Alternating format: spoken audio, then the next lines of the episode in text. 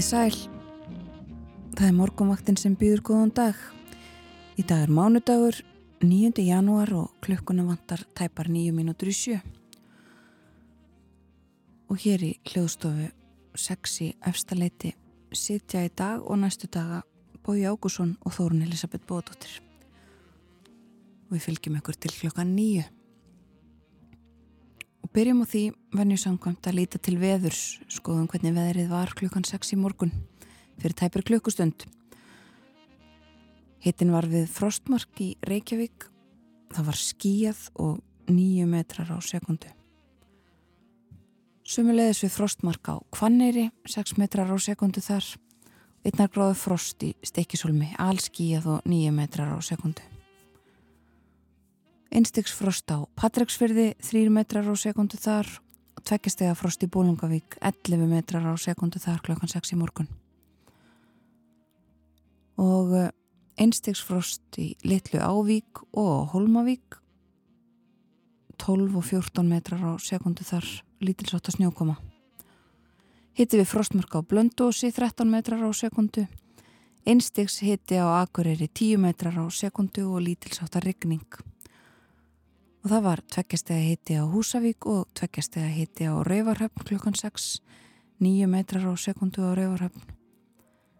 Tveggjastega hitti á Skjaldþingstöðum hægur vindur og hitti við frostmarka á Egilstöðum, nánast lokn og lítilsótt að snjókoma þar.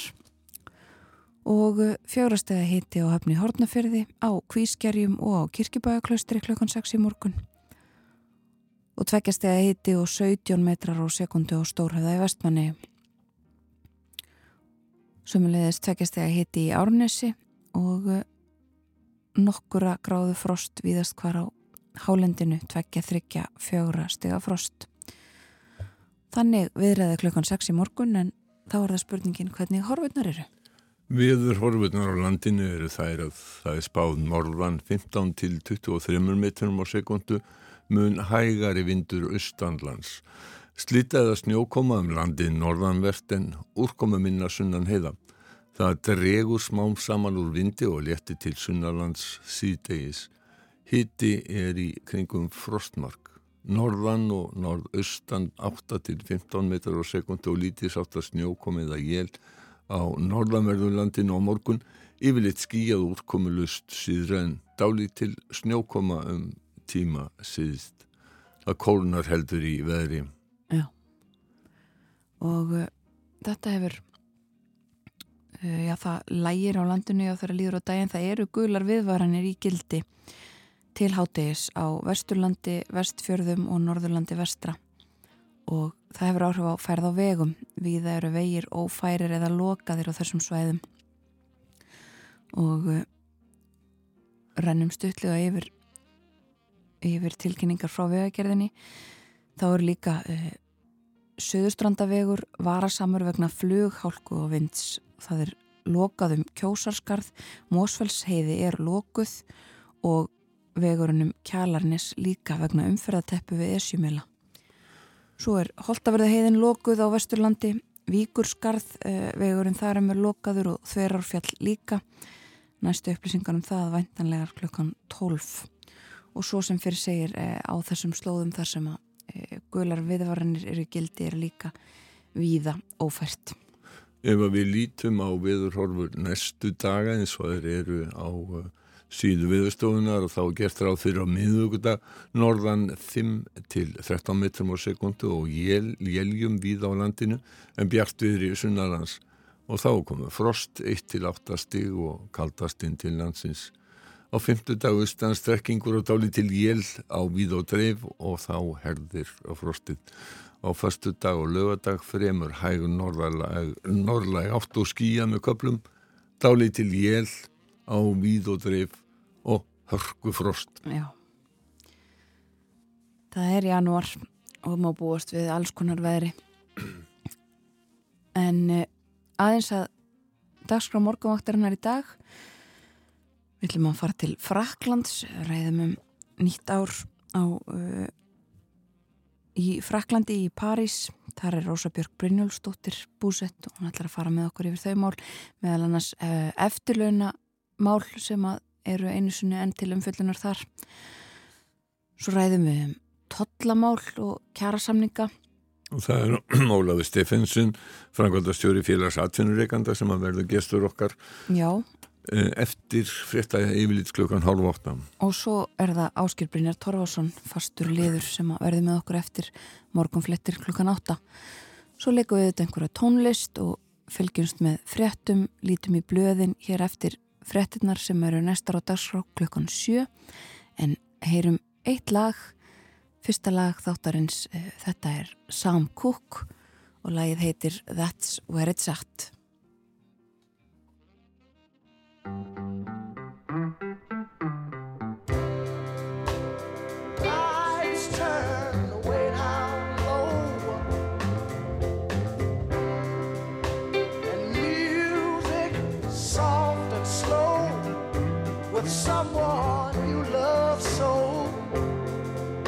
That's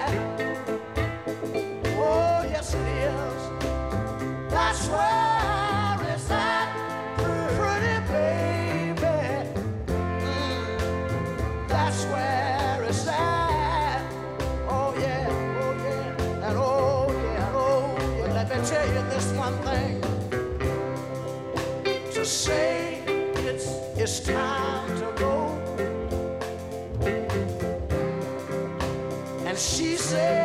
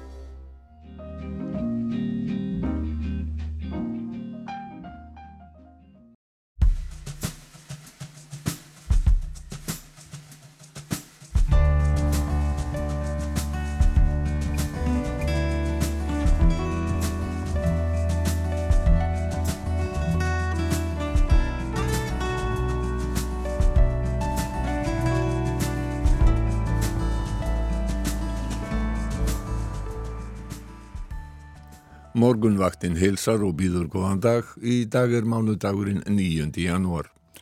Félag atvinnureikanda, Vaffer, Landsamband Íslenskra Verslunumanna og Rafinaðarsamband Íslands hafa óskað eftir fundi með þeim Svandísi Svavarsdóttur matvælar á þeirra og Bjarnar Benedikt sinni fjármúlar á þeirra til að ræða lækkun og niðurfellingu totla í þáu neytenda. Ólafur Stefansson, frangotastjóri félags atvinnureikanda, verður gestur okkar að loknu frétta yfir liti klukkan halv åtta og ræður um totla og neytendamál. Emmanuel Macron, Fraklandsfósetti, hefur lofað því að umdeildar breytingar á eftirlaunaaldri og lífiðiskerfi hefjist á þessu ári í Fraklandi.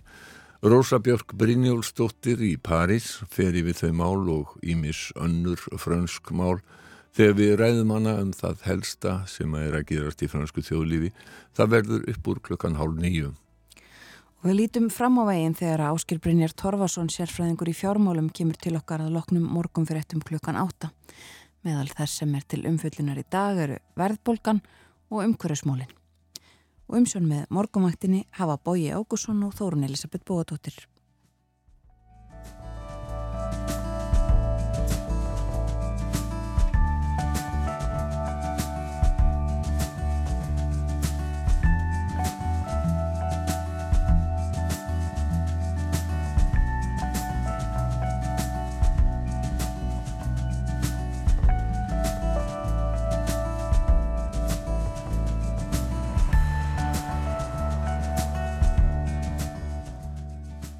Og eins og við heyrðum í frettunum þá er hann í gildi gular veður viðvaranir á landinu. Þær eru uh, í gildi á uh, vesturlandi, á vestfjörðum og norðurlandi vestra. Og lítum aðeins á hugleðingar veðurfræðings frá veðurstofunni. Í hugleðingunum segir milli Íslands og Færeja er víðóttu mikil lægð sem stýrir veðrinu um þessar myndir gengur á með norðan kvassviðri eða stormi á norðvestanverðu landinu fram eftir degi en dregur síðan smám saman úr vindi. Mun hægari norðanátt istra. Slitta eða snjókoma á norðanverðu landinu og sumstaðar ryggning við sjávarsíðuna en skíjað og úrkomulösta kalla siðra. Hiti yfirleitt kringum frostmark. Og veður viðvarnir vegna kvassviðris og hríðar eru í gildi á fyrir norðvesturland, strandir, vestfyrði og breyðafjörð fram á hátegi. Vegfarendir eru því kvattir til að kanna velfærð og spáraður en lagtar af stað. Á morgun norðan og norðaustan kaldi eða strekkingur og lítilsáttar snjókoma eða jél norðan til. Annars úrkomu löst að mestu en líkur á að snjóu um tíma siðst. Það fer að kólna í veðri og búast má við harnandi frosti er líður á vikuna. Fórum aðeins yfir þetta áðan. Frostið, eh, já, á miðugudag 1-8 steg, svo herðir á frosti segir í viðspónum fyrir 50 dag og svo á förstu dag og lögadag hörkufrost.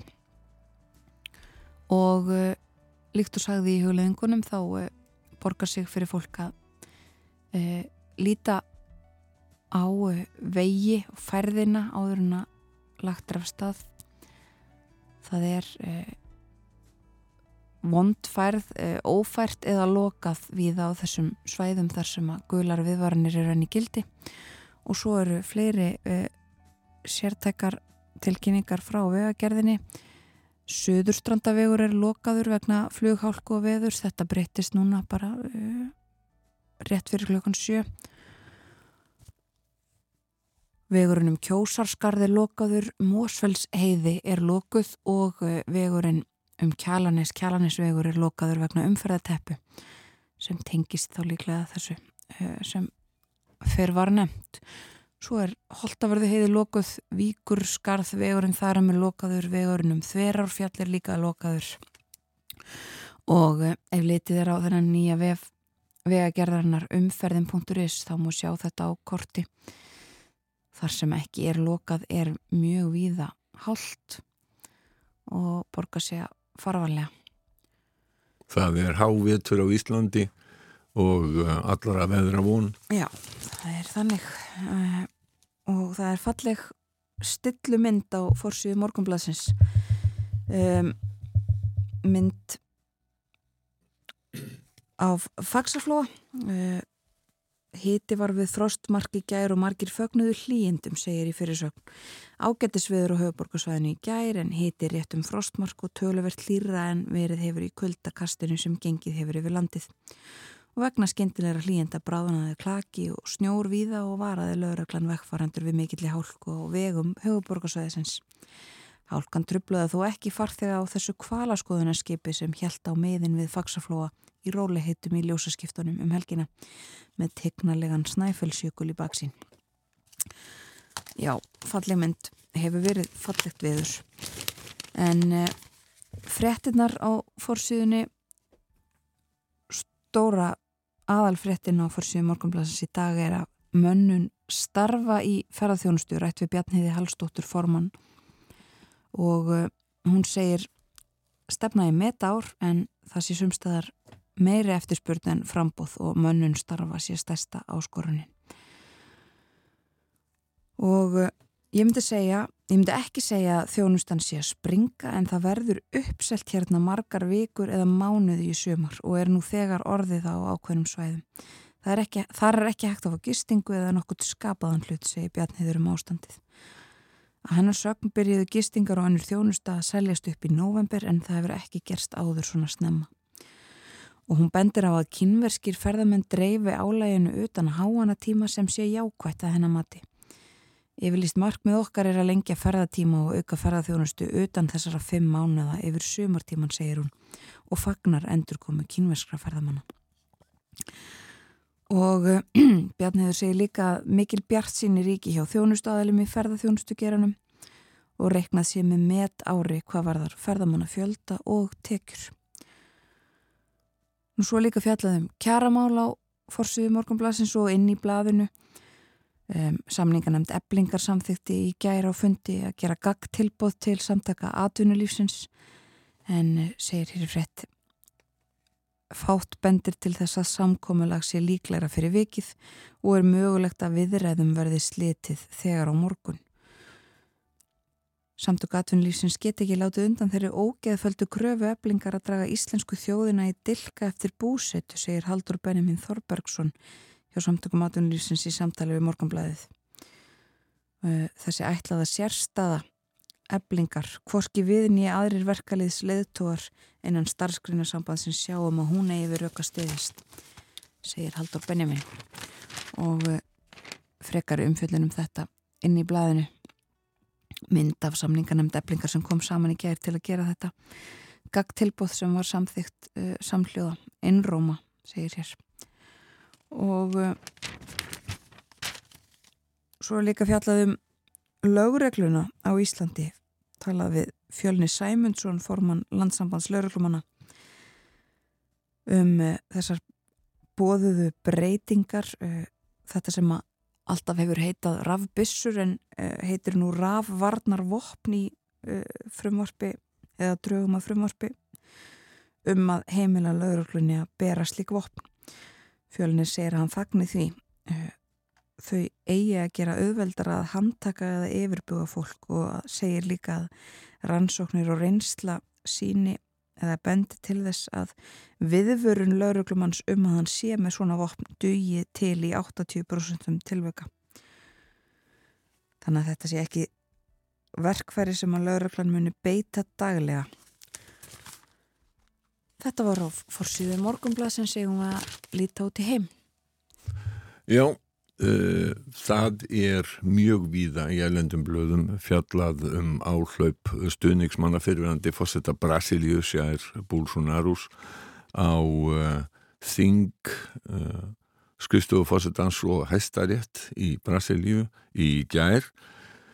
Og uh, til dæmis ensk blöð eru mörg með myndir af þessum atbyrðum en helstu frettinnar á fórsíðinu eru samt sem áður frekar af uh, málöfnum konungsfjölskyldunar þar í landi en uh, eins og uh, vantanlega flestir vita þá er út nýjútkominn bók Harrys Breitaprins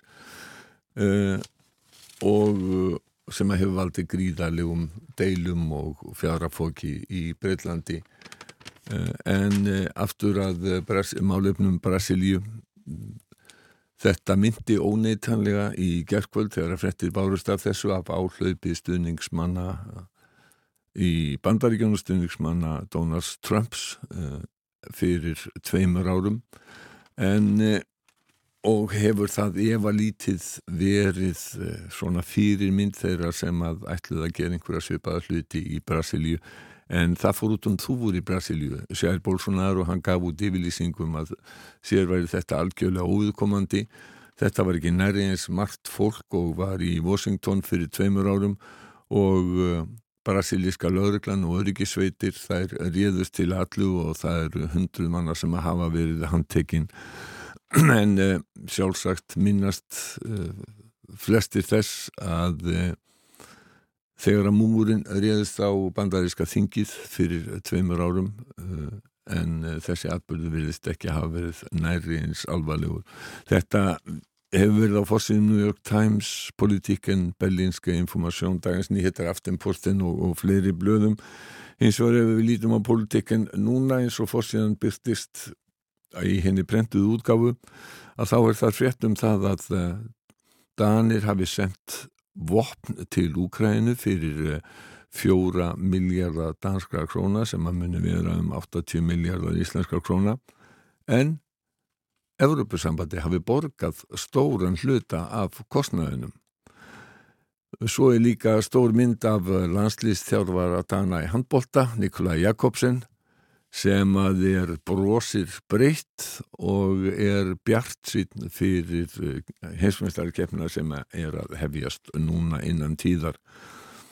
Raunar höfum, höfum við hýrt af því að dönsk blöð hafi skrifað meðal annars um íslenska landslið að það sé geti verið til alls líklegt á þessu móti því að það sé mjög stert eins og er í augnablíkinu. Sænsk blöð hafa verið að fjalla talsvert um það að Úlf Kristiðsson fórsettir sá þegar Svíþjóðar hafi sagt að Svíjar geti ekki mætt öllum kröfum sem að Tyrkir hafa gert vegna aðildarum sóknar Svíja að NATO og uh, það séu bara einfallega kröfur sem er ganga í uh, þvert gegn sænskum lögum. Uh, það ber að geta þess líka að Expressen í Svíþjóð var með var með fréttum það að Morgan Jóhansson sem er núna talsmaður jafnaðamanna í utanrikkismálum fyrir hann til fjármálur á þeirra hann gaggríni sænsku ríkistjórna sem er nú ekki mjög gömul fyrir eilífa undanlegt sem er við Tyrki og segir, segir Ulf Kristjánsson að hætta að reyna blíðka Fraklands, nei Tyrklands fórseta, Erdogan Tyrklands fórseta Uh, í Lumonde fjallaðum það að rússar fullirstu í gæra þeirriðu felt yfir 600 úkræniska hermenni í borginni Kramartorsk þetta var árás sem þeir sögða hefði verið gerð í hemdarskinni fyrir árás úkræninumann á Makíva um áramótin það sem að úkræninumann sögðu MM-in rétt að um 400 rúsneskir hermenni hefði fallið Rautersvéttastofan sagði hins vegar og fleiri sem að voru á vettvangi í Kramatorsk að það væri engin merki um þetta gríðarlega mikla mannfall sem að rússar heldu fram. Þannig að rússar segja að hins vegar að, að, að eldflöðakerfi þeirra á þessum stað hafi verið lagt í rúst.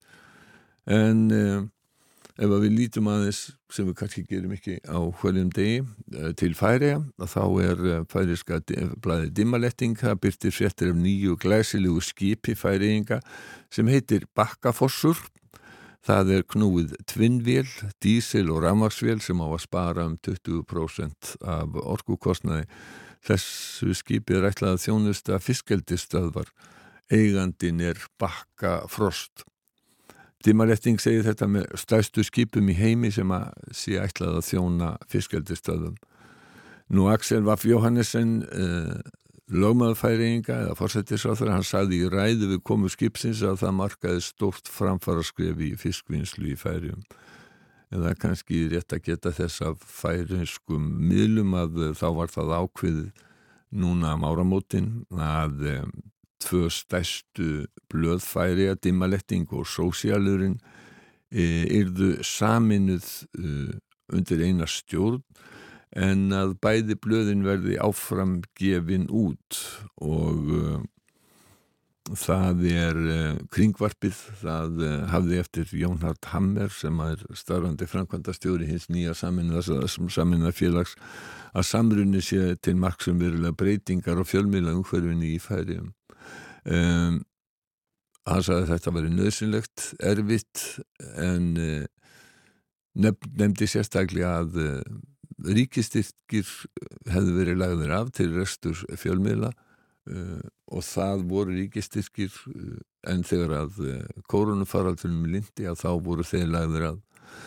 Um, það er hörðsamkeppni um auglýsingatekjur í færium og þar kvarta menn á enga markaði yfir því eins og þau gera á Íslandi að ríkisútvarpið taki til sín allt og mikið af auglýsingartekjum eh, það er kringvarp fáræja í færium sem er með auglýsingar eins og Íslenska ríkisútvarpið.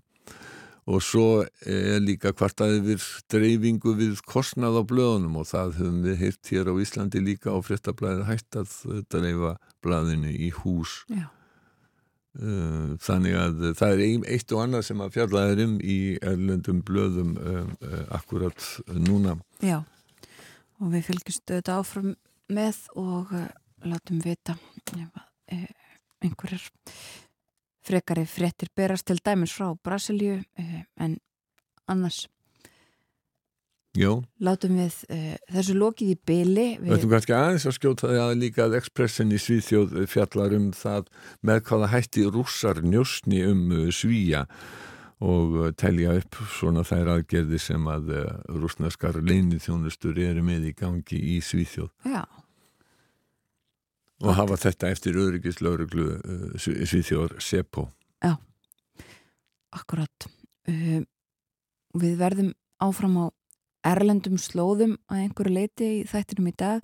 Áskiprinja Torfarsson fjallarum uh, efnahagsmál alþjóðlega. Og svo verður Rósabjörg Brynjólfsdóttir með okkur í síðasta hlutu þáttarins og við fjallum þá um frönsk málefni. En spilum eitt lag. Við tökum fram plötu þetta er Duke Ellington og uh, lagið heitir Just a Memory. Duke Ellington var á efniskráni held ég alveg öruglega þegar að Stórsveit Reykjavíkur held nýjárs tónleika í hörpu í gerkvöldi og uh, við skulum heyra þetta og hleypum svo frettastofunni að með fretta efirlit áður en við snúum aftur hér á morgunvaktinni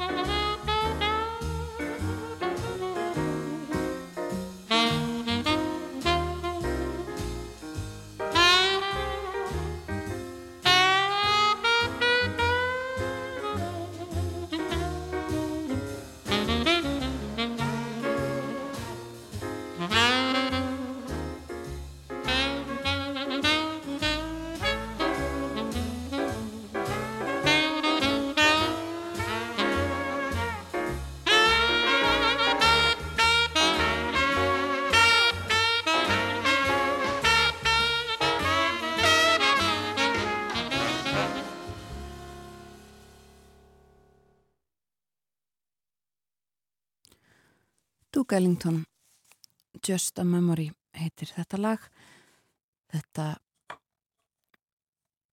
eru þarna Johnny Hodges Ben Webster, Roy Eldridge Lawrence Brown, Wendell Marshall Billy Strayhorn, Joe Jones. Ég held að þetta uh, sé upptaka frá sjötta áratug síðustu aldar. En Duke Ellington var á efnisgráni hjá Stórsveit Reykjavíkur í hörpu í gerkvöldi er ég nokkuð vissum. Við leipum frettastofunni að fretta yfirleiti næsta dagskrá og að því loknu þá ræðum við við Ólaf Steffensen.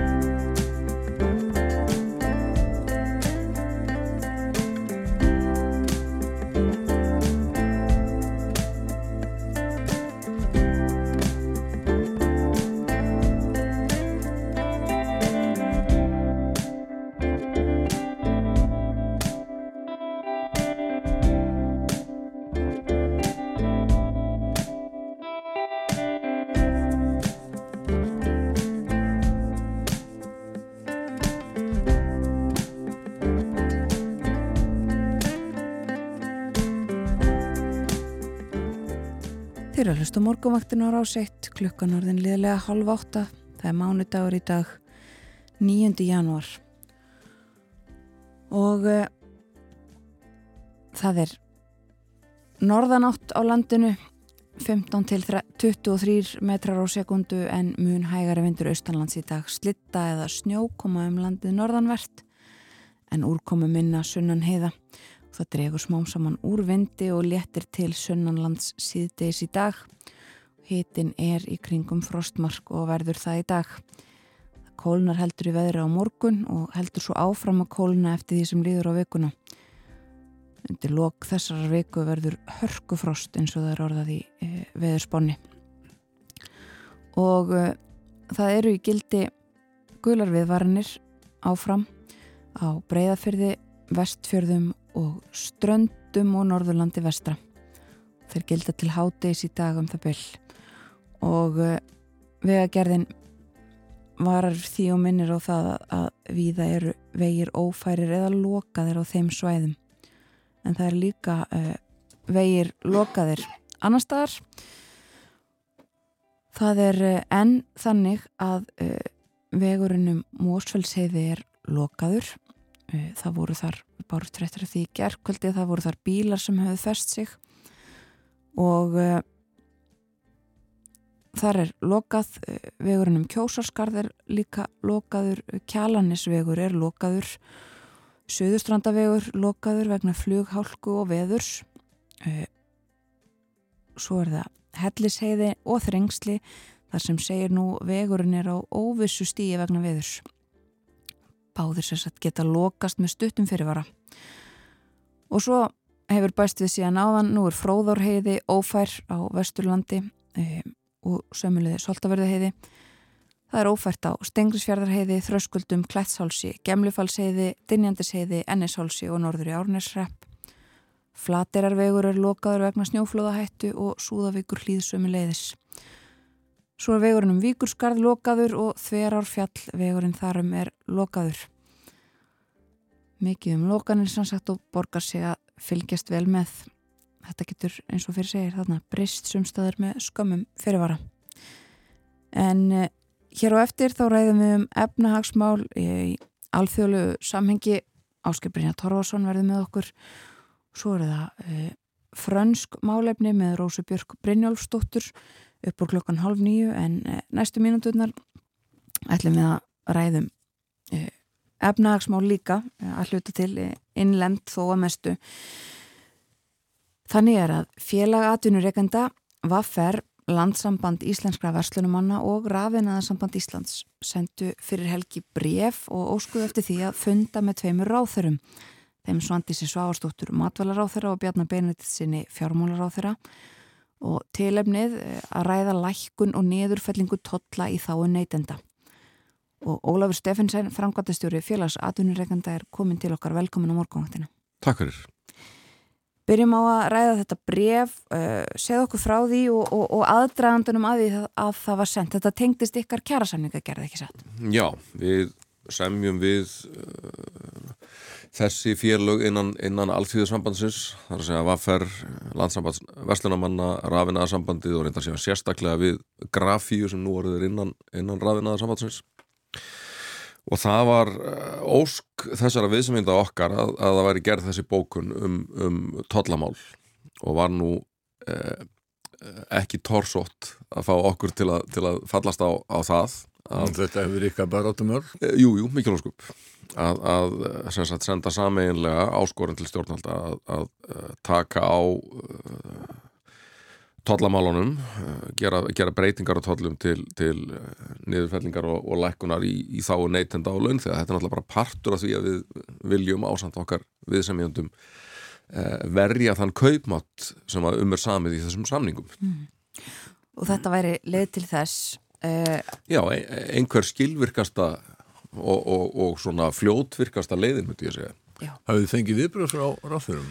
Já, það kom uh, svar frá skrifstofi fjármálaráðara sem að, að erindi væri mótikið og er reynd að finna fundartíma sem fyrst, þannig að hérna, það veit vonandi bara gott. En vi, vitið til þess að þessi mál séu eitthvað til skoðunar inn í ráðanetunum eins og sækir standa? Sko ég held að tollamálun séu alltaf til skoðunar meðal annars uh, að okkar tilstuðlan. Eh, við höfum verið hérna, félagaturinn að duglega að senda ráðuneytunum erindi benda á ímislegt sem að betur mætti fara eh, við höfumðumst til dæmis dálítið síðastliðið haust og núna fram til áramóta í þessu máli varandi totla á franskar kartöblur sem er ekki lengur framleitar á Íslandi mm -hmm.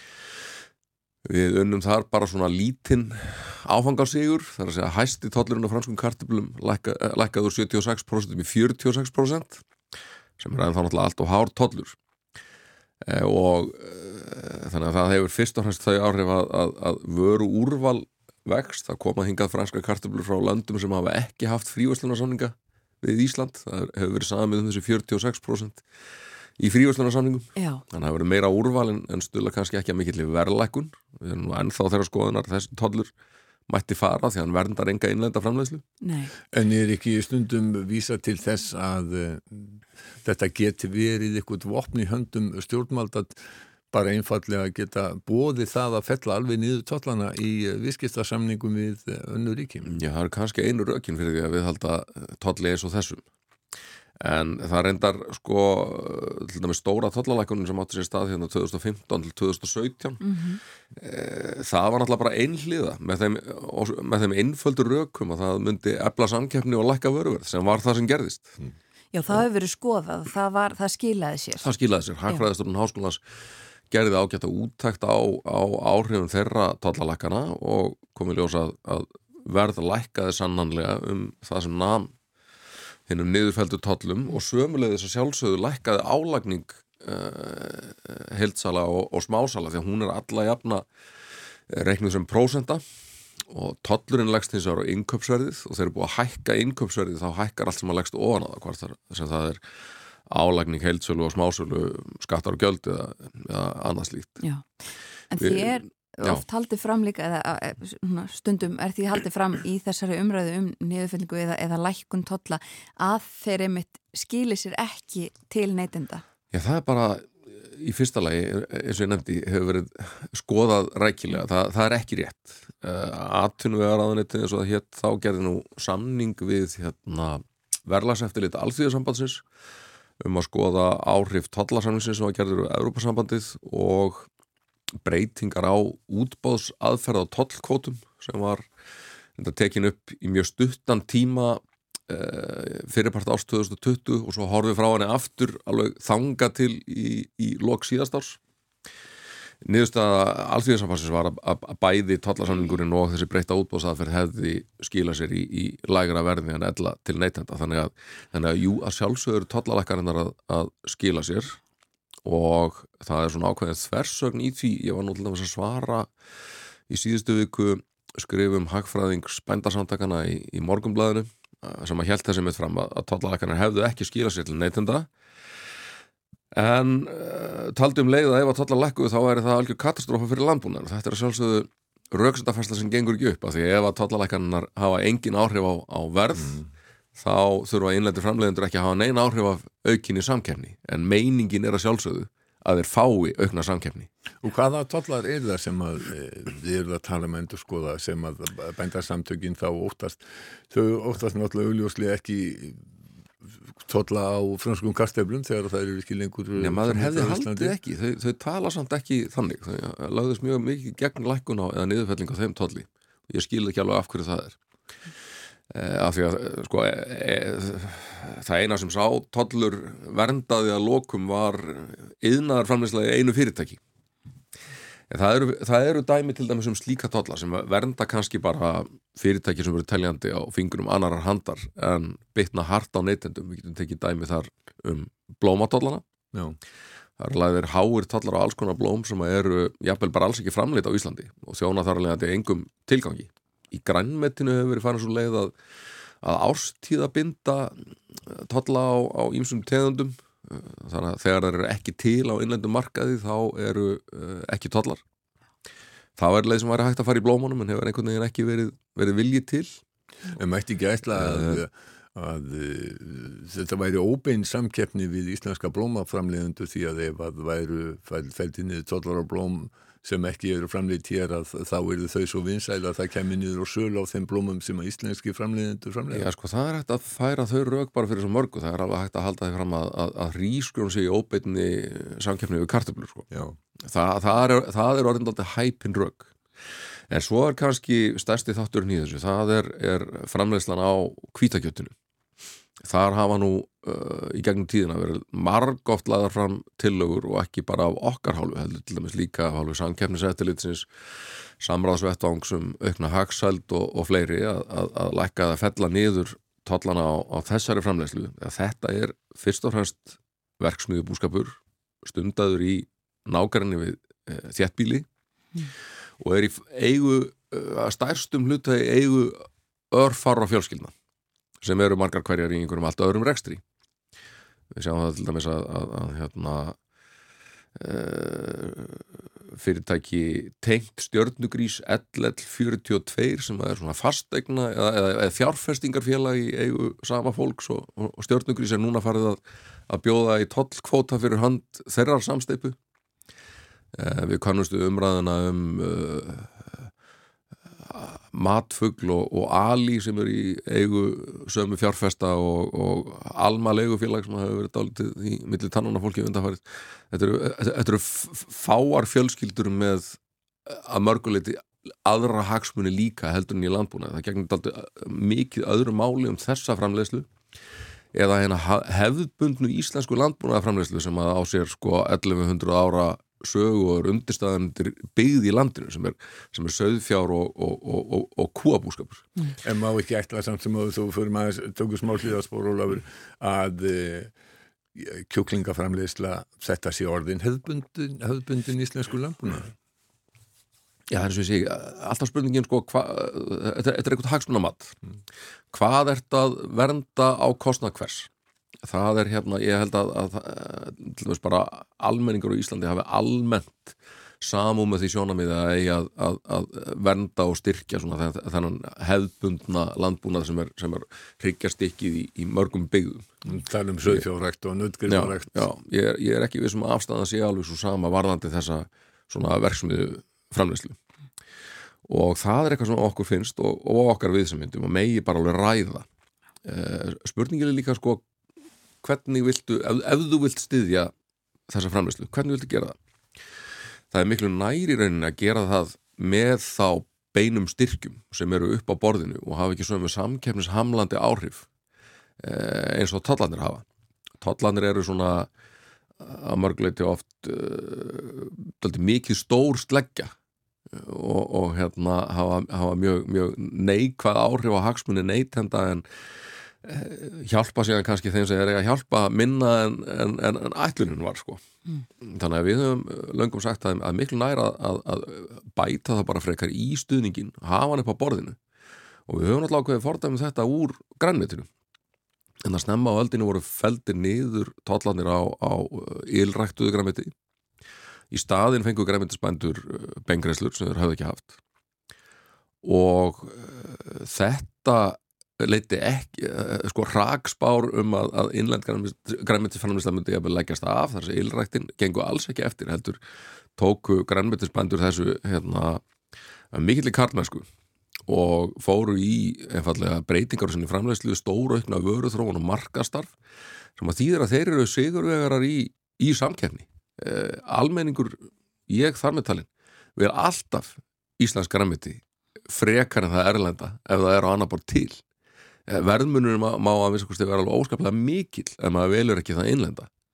Þannig að þar hefur bara náðst alveg príðilegur árangur í því að, að, að, að sækja fram og, og marka íslenskri framleyslu algjör sérstöðu með leitenda án tolla og með ekkert óskaplega miklum styrkjum með þess að og þú telur að þetta myndi, myndi gilda um fleiri búgreinar heldur en Já, ef það er, er, ef það er rétt sem, sem, sem haldið er fram að, að hérna, aðbúnaður dýra sé betri heldur en í nágrannlöndunum að kjötið sé heilnamara en í nágrannlöndunum uh, og svo framvegis þá er ég ekki ne neinum uh, vafa um að, að framleystalum kvítakjötinu mun líka ná sko uh, bara mjög góðri stöð á markaði þó að það verði mögulega einhvern meiri samkeppni frá, frá innflutningi sko.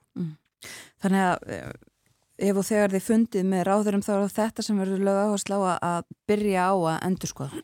Alveg klálega Já.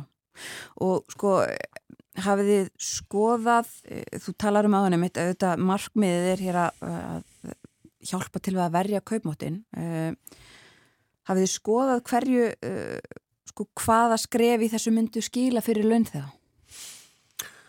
Sko, það er nú best að, að tala varlega í því ef við tökum til dæmis samt, bara því að ég er ný, nýlega búin að vera að skoða fransku kartilundar hérna, bara það að fella niður þann toll sem, sem, sem ver enga innlenda starfsemi.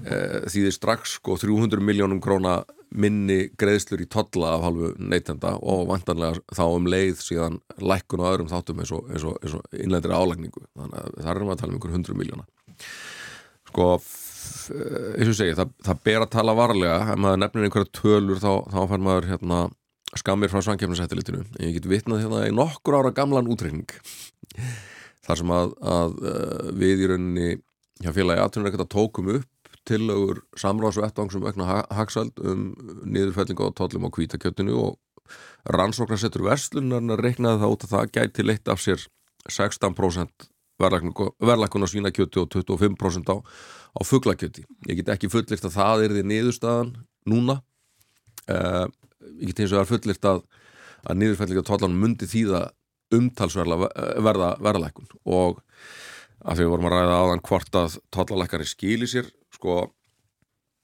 viðskiptavinir innflutningsfyrirtækja þessum bransa eru mjög kröfuharðir og uh, samkeppnir hörð á maturumarkanum og núna til dæmis er í rauninni búið að semja um það milli stjættarfélaga og, og uh, atvinnulífsins að það verði alveg svona sérstök vakt á verðlægi maturu á gildistíma þessara, þessara samningar sem er nýbúið að gera, það verður gengið mjög hart eftir því að tollalækarinn skilir sér. Ég held að maður þurfi ekki að hafa neinar áhyggjur af öðru.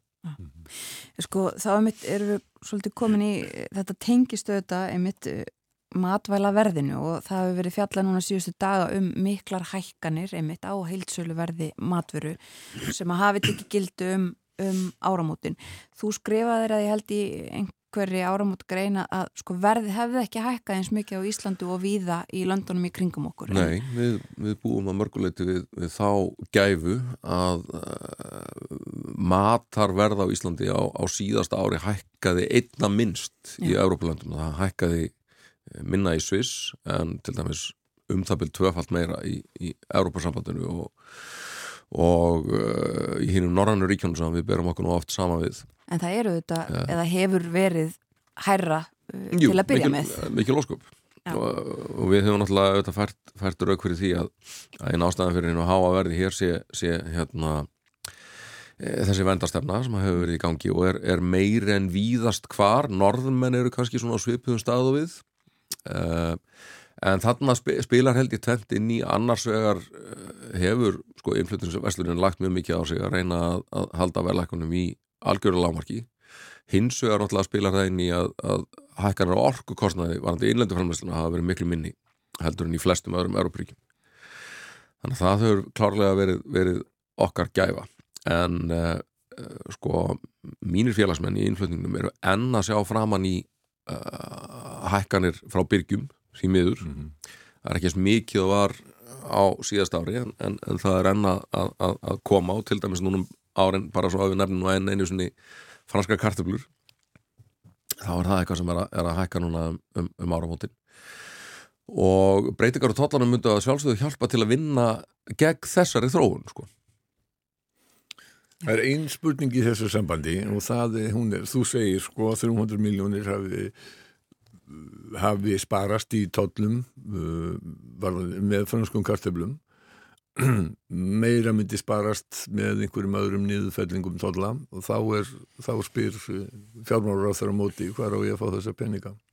Já, sko eh, á sumum mörgum tökum til dæmis blómin aftur þá er nú eiginlega engin er ekki, eiginlega ekki nokkur spurning að, að sko aukin velta í blómaverslinn myndi vega upp á móti sko því sem ríkisöður verður þar hugsanlega að tapa.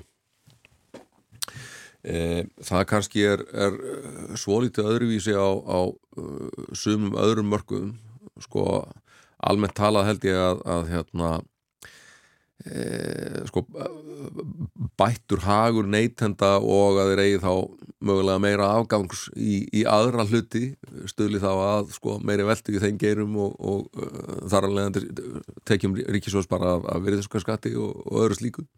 Þetta þarf alltaf að, að vega og meta. Ég held til dæmis að að niðurstaðan af þessari totla niðurfellingu í 2015 til 17 sé svo að hún hefði ef eitthvað er sko eld samkeppni og, og veldu á markanum og verið þarlegandi til, til hagspóta fyrir alla sko. Þa, það er nefnilega svo, sko, svo gaman að, að lesa skýsluna sem að lá uh, þeirri totla niðurfellingu til, til grundvallar þar eru færð alveg ljómandi góður rauk fyrir því að totla niðurfellingin muni einmitt sko bara draga úr tapi allra af þessum viðskipta og samkeppnisahömlum og þetta er eitthvað sem að menn hafa bara sko hort á og, og viðurkent og ganga á út frá sem gefnu þegar við verum að tala um fött og skó og byggingaverður og eitthvað svo leiðis mm. en það verður þetta óskaplega erfitt að viðurkenna það að svona virki markanslegumælinn þegar kemur að, að matförum Af hverju er það? E, já, það er einfallega, einfallega bara hérna einhverju hagsmunni aðeins sem að berjast á móti mjög, mjög, mjög hörð eh, bara átt að fyrir því að við halda þessum eh, hömlum og talað oft um sko Eh, fæðuörgi og svo framvegis. Það reyndar sko, fæðuörgisumræðan á síðast ári sem kom upp ekki síst í, í framhaldi af stríðun í Ukrænu og einhver liti í framhaldi af, af faraldrinu hún var mjög góð vegna þess að sko, þetta var alvöru umræða um marga ólíka þætti fæðuöryggis. Og hérna uh, við þurfum til dæmis að hafa tiltekna innlenda framlegslu uh, sem er í, er í lægi uh, fæðuöryggi byggist ekki bara á landbúnaðavörum við erum sko, við flytjum út hvað, 40 meiri fisk heldur en við borðum sjálf. Og hérna uh, það er nú sannlega okkar stærsta trygging ef að það koma upp einhver, einhver svona ytri áföll varðandi matarflutninga til landsins hvað við veiðum gríðarlega mikið af fiski. En svo hefur náttúrulega bara verið bent á að verðlaga mat er mjög ríkur þáttur í fæðuörgi og það er, eru miklar þversagnir í þenn málflutningi sem, að, sem að, hérna, heldur því fram að það að gera mat dýrari til að vernda innlenda framleyslu, það auki fæðu öryggi okkar. Það kemur ekki heim og saman. Nei, það verður að hafa efnaði að kaupa matin. Nákvæmlega. Já. Við komumst ekki lengra í byli. Takk fyrir að koma til okkar á morgunvaktina Ólafur Steffensen fram, framkvæmdastjóri félags atvinnureikanda. Og það líður að morgunfréttum. Það er koma eftir eh, fimm mínútur eða svo að þeim loknum þá verður hér hjá okkur Áskilbrynja Torfarsson sérfræðingur í fjármálum Við ætlum að tala eins um verðbólgu en líka um umhverfismál og líta svona almennt til ársins sem er nýhafið. Og svo undir lokþáttarins Rósabjörg Brynjólfsdóttir tölum um frönsk málefni. Makrón Fraklandsfórseti ætlar að koma í gegn breytingum á eftirlauna aldri, umdeldum breytingum sem hann hefur reynd að koma í gegn lengi. Meirum þetta hér á eftir.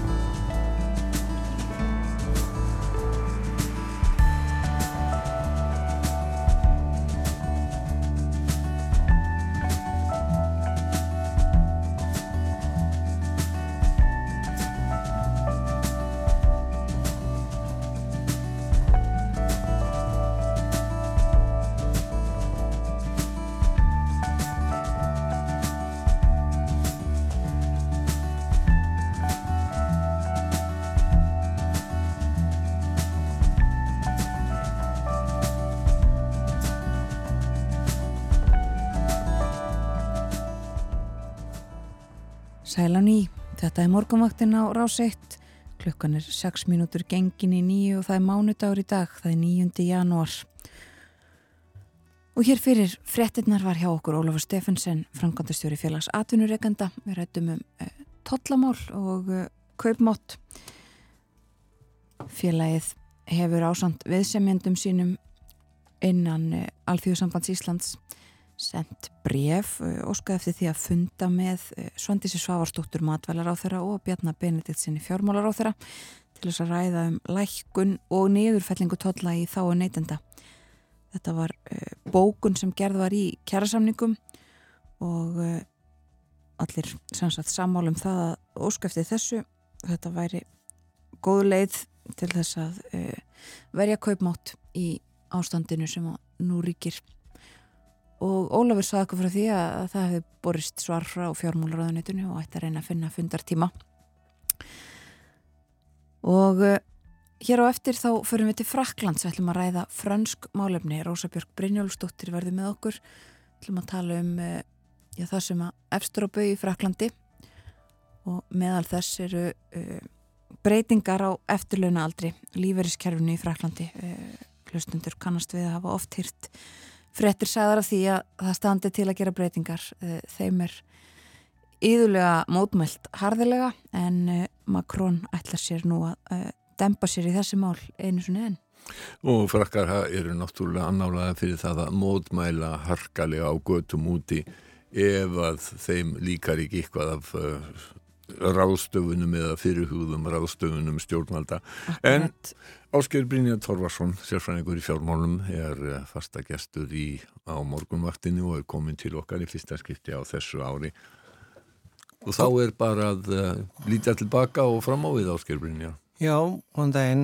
Það er nú hérna svo sem leðilegt að vera alltaf að tala um sömumálin en, en ég held að maður verði að segja að megin málin á þessu ári verði svolítið þessi sömumál og við vorum að fara yfir milli jól og nýjárs þegar við lítum yfir farin veg. Það, er eh, hvernig stríðið fer sem mun hafa áhrif á efnaðismálin í heiminum og verðbólgan sem kom að megnunum til út af því stríði og orkukrísunni í framhaldinu því mun hafa áhrif á lífskjara krísuna og svona, uh, já, þetta tvent er, uh, stýrir mjög miklu í efnaðasmálum heimsins. Vi, við sáum að í tölur sem kom í síðustu viku um hvernig verðbólgan var að koma út með að við mánaðatölunum úr desember.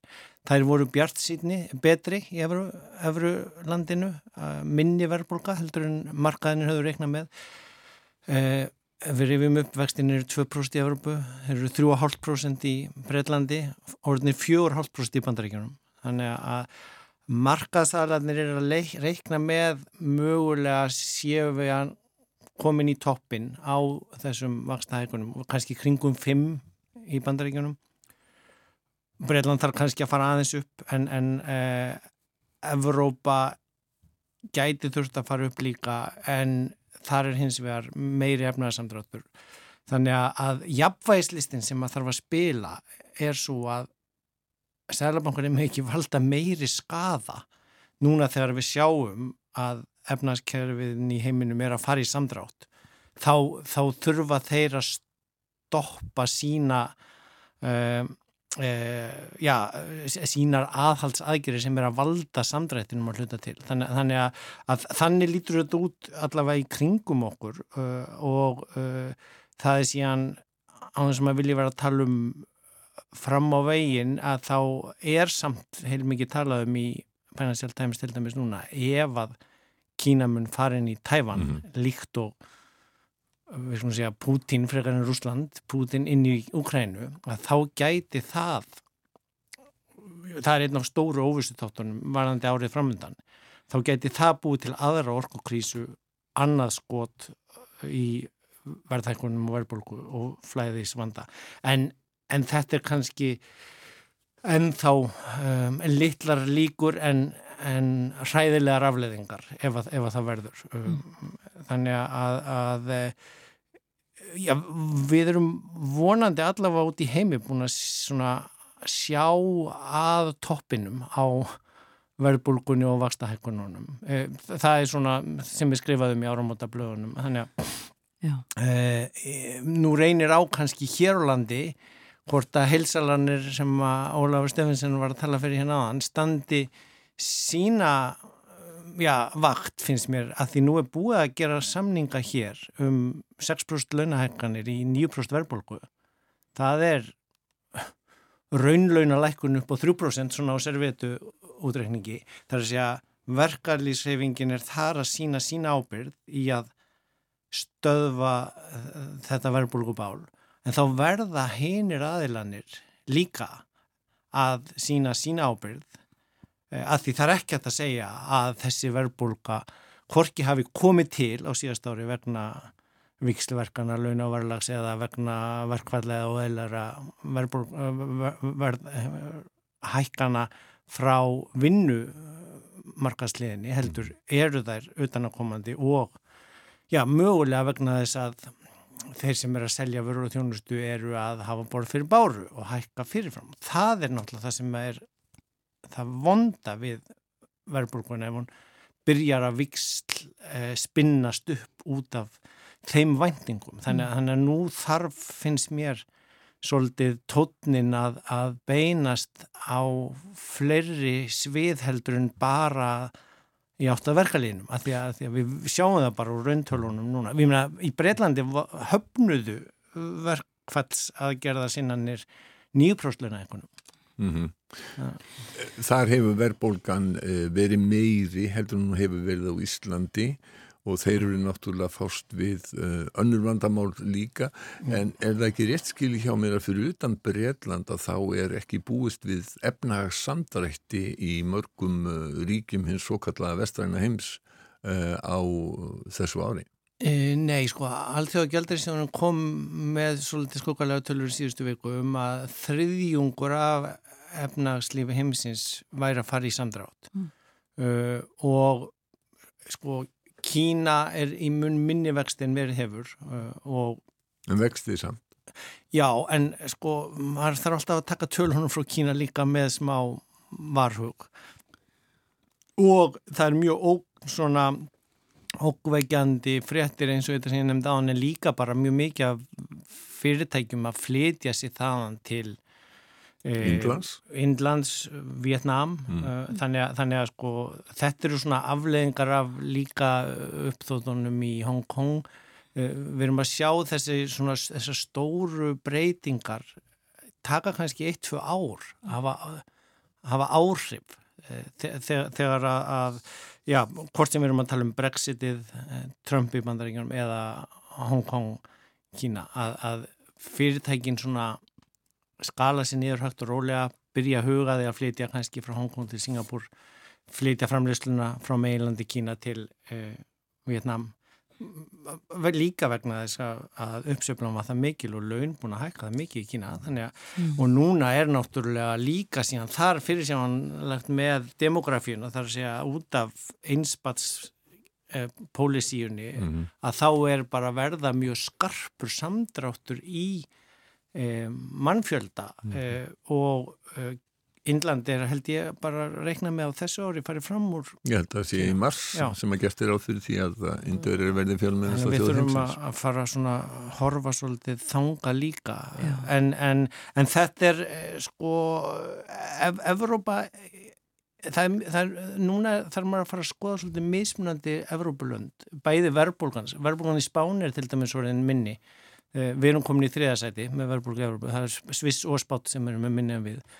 Uh, verðbólgan í Fraklandi hefur verið líka mun minni en, en meðaltalsverðbólgan í Eurólandinu og þetta er eins og við höfum rætt áður að hluta til út af aðgerðum hins ofinbera út af verðlagseftillit og verðstýringu. Þar að segja það er, það er um, e, bakari, það er ekki tilviljun það er bakari í hverju einastu þorpi og bæ í Fraklandi heldur það er uh, reglugjörðabundið þar hvað bagettið má kosta eins og hjá okkur mjölkurlítrin. Mm -hmm. Þannig að, að, að þetta náttúrulega uh, er svona, mm, já, að, að hafa smá mismunandi áhrif en hins verður peningamálastefnunni stýrt frá, frá Frankfurt varðandi uh, hvað vakstakostnarum má vera mikill. Þannig, þannig að ég, ég vil ekki vera spá hvort að samdrátturinn verði meira minni eh, hérna eh, eftir löndum eða, eða innan Európa en, en það er augljóst að allar þessar miklu vakstahækkanir í fyrra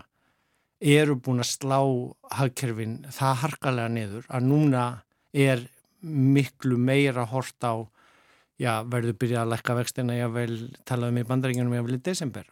En maður er að rekna með mark, mark, hvað markaðarnir búast við. Því, og það er út af því sem að selabankunum þurfu ekki að fara með vextina upp í 9% og verðbólgan sé 9 heldur það er síni að þeir sé að hækka hefur byggt áhrif á markaðina þeir búast við eh, núna, núna er markaðarinn búast við að Evrópski fari upp í 3% Þannig áhrifin er í hins sömu þó að vaksta hekkanina séu ekki jafn miklar og verðbólgan. Já, og, og þetta er alveg eins og 2012 þegar, þegar drakki bjargaði efruðni, mm. það var nóg að hann sagði, ég mun gera það sem þarf til að bjarga efruðni ja. og trúi mér það er nóg, mun vera nóg, að þá róaðist markaðurinn. Hann þurfti síðan ekki gera í raun og veru neitt af þeim aðgerðum og tólum sem hann sett upp. Þetta, þetta snýst svo mikið um Um, já, svona tilfinningarnar á markanum, ef maður má segja svo og það er það samu með verðbólkumæntingarnar mm. það verður að vera trú á að nú sé þessum toppin áð, nú sé séu hlutin að fara að róast. Og þá verða eins og ég segi, allir líka til ég hefði ofinbera að spila sitt, nú er uh, heilmikið að gældskráma hækka sem kemur inn í verðbólkutölunar okkar. já Þannig að ég, ég er með smá hnút í maganum yfir verðbólkutölunum hér sem komi fyrir janúar uh, út af þessum bæði hækkunum, heilsalana núnum áramótin og síðan gjaldskárhækkunum hins ofinbæra. Þarna hefði held ég átt að vera aðeins meiri svona COVID heimisfaraldurs um, hugsunaháttur mm.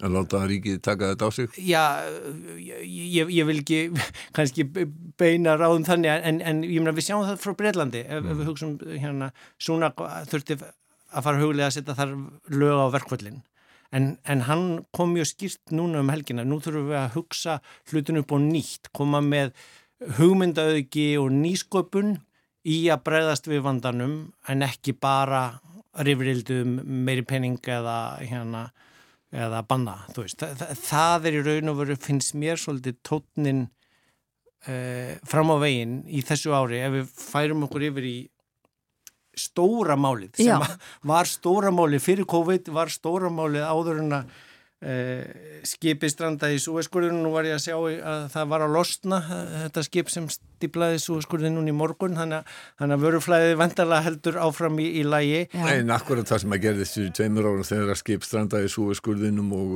törflaði allt vöruflæðið um allan heima það hafði viðtakar efnahagslegar afleggingar þannig að þetta eru, það eru Það eru frétti sem að skipta okkur stóru máli hvort að skip standar í súaskurði eða ekki. Já, það voru 600 skip sem byðu og, og menn þurftu að ákveða á ég að býða og komast í gegn eða á ég að fara að sigla uh, söðu fyrir?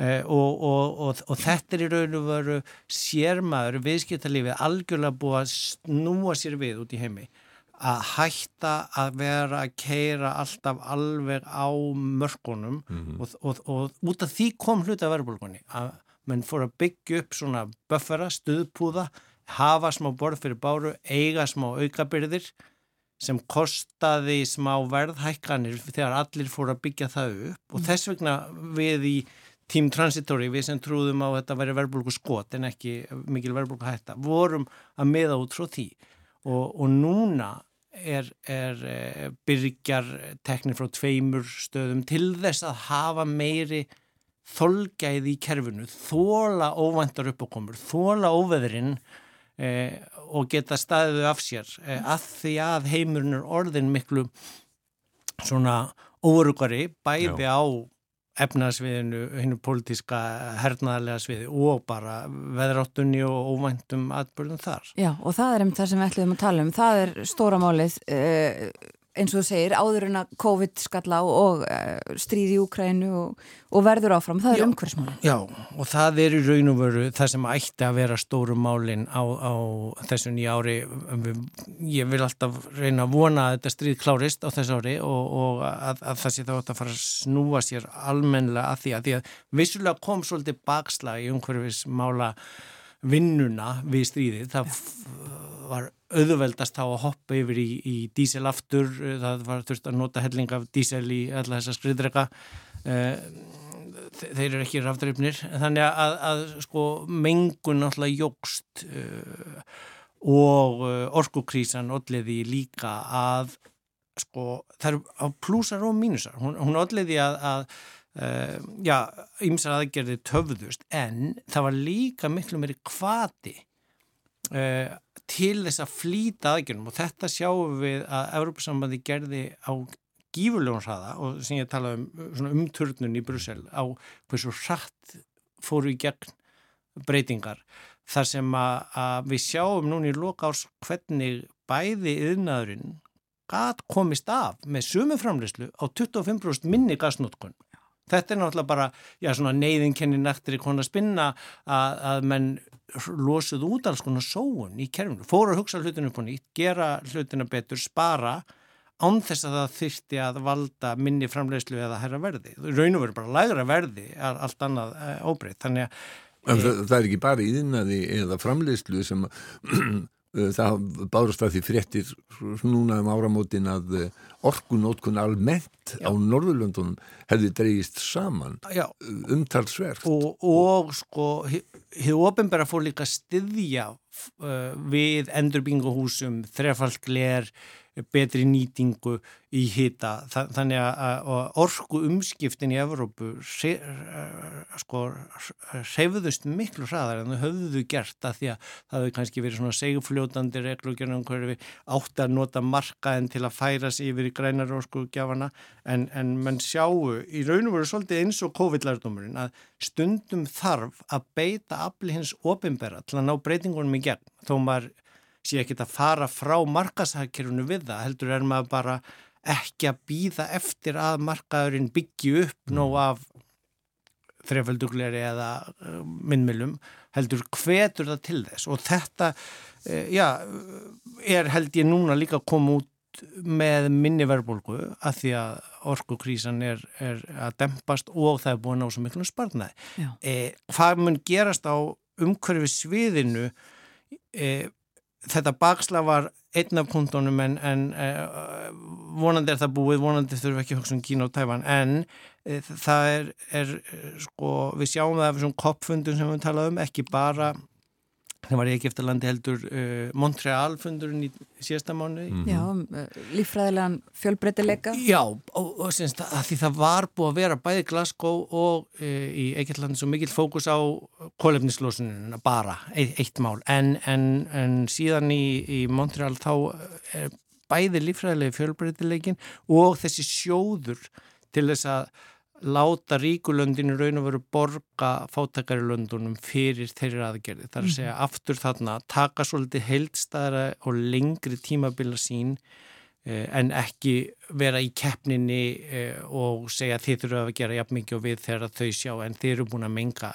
frá 1850 markvallt á við okkur hérna ekki krefjast þess að við verðum áratugum og eftir ykkur bara til þess að koma jæmt út núna. Þetta er að deila byrðunum, sama þarf að gera með, með, með verðbólgu eða kostnæðin eða baróttunum að, að, að, að það þarf að vera í ykkur kerfi og skynnsamanhátt en, en þarna mun uh, já, flæða einhver peningur frá hennum ríkara hluti heimsins til hins fátakar til að flýta fyrir því að þau komist á sama staðu við þar uh, og síðan er þriðji svona þátturinn í breytingunum að, að það er bara miklu meiri peningar að fara bæði frá hann ofinbera og úr engageranum í nýsköpun varandi umhverfismál e, til að finna upp nýjar leiðir. Þetta, þetta sáum við náttúrulega eins og vorum að tala um strax í, í orkukrísunni en núna bæði e, hydrogen hérna vettnisframlegsla sem engin veit alveg hvort það geti samtekið við en, en, en það þarf að dæla fullt af peningin í sköpunni til þess að finna út nýjar leiðir og hugsa upp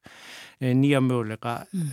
Loka punkturinn síðan sem ég held að muni gerast mjög mikið á þessu ári sem snýrað viðskipt öfnæðslífni er að það verða settar mjög stífar og harðar reglur í kringum það hvernig fyrirtækin eigi að í raun og veru standa reikniskil görðar sinna með umhverfismálinn. Európa-sambandi var búin að vera með eh, svona í undirbúningi eh, taksónum í reglugjörðu umhverfi en því verður flýtt núna á þessu ári. Singapúr er nú þegar búið að taka upp skildu á öll skráðu fyrirtæki að taka fram í sínum áskýrslum e, kólefnisborið og hvaða gerður að gera í lofslagsmálum. Hið ofinbæra þarf líka að gera þetta í öllum sínum rekstri og fyrirtækjum að taka e, mjög svona grunditt í gegn hvað er verið eða hva, í hvað fer það og hvaða gerður að gera til að bröðast við því því að það er eina leiðin til að ná breytingunum í gegn. Takk fyrir í dag Áskil Brynjar Tórósson.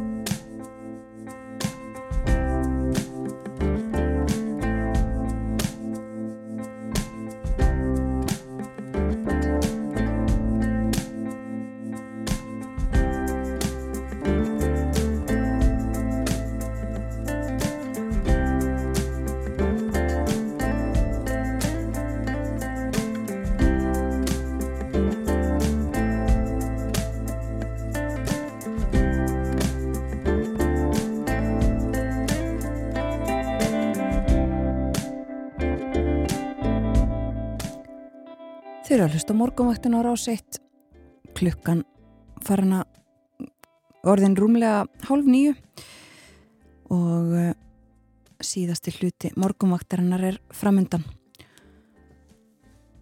Hjá okkur fyrir frettæfiliti var Áskip Brynjar Torfarsson, við rættum um ímislegt uh, meðal annars um uh, umhverjusmál og orkumál það sem er framöndan á þessu ári. Og þau mál eru áfram til umfyllunar að einhverju leiti hjá okkur hér á morgunvaktinni. Um, við uh, ættum að vera að komast í samband við Rósubjörg Brynjólfsdóttur.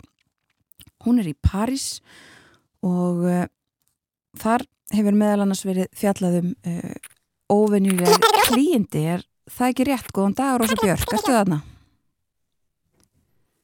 Eitthvað byrjast skrítin hljóð. Þetta er eitthvað, eitthvað sérstaklega. Við, reyn, við reynum aftur, við kannski minnumst á það á meðan að þú ert að ná sambandi við uh, Rósubjörg að uh, það er víða vegalokkanir í dag sem að sjáum á, á vef viðurstofunarumferðin.is og uh, það er mynd á að gul viðvörun viðurstofunar er í gildi til hádegis í dag á Vesturlandi, Vestfjörðum og Norðurlandi Vestra og vegir eru víða ófærir eða lokaðir á, á þessum uh, svæðum.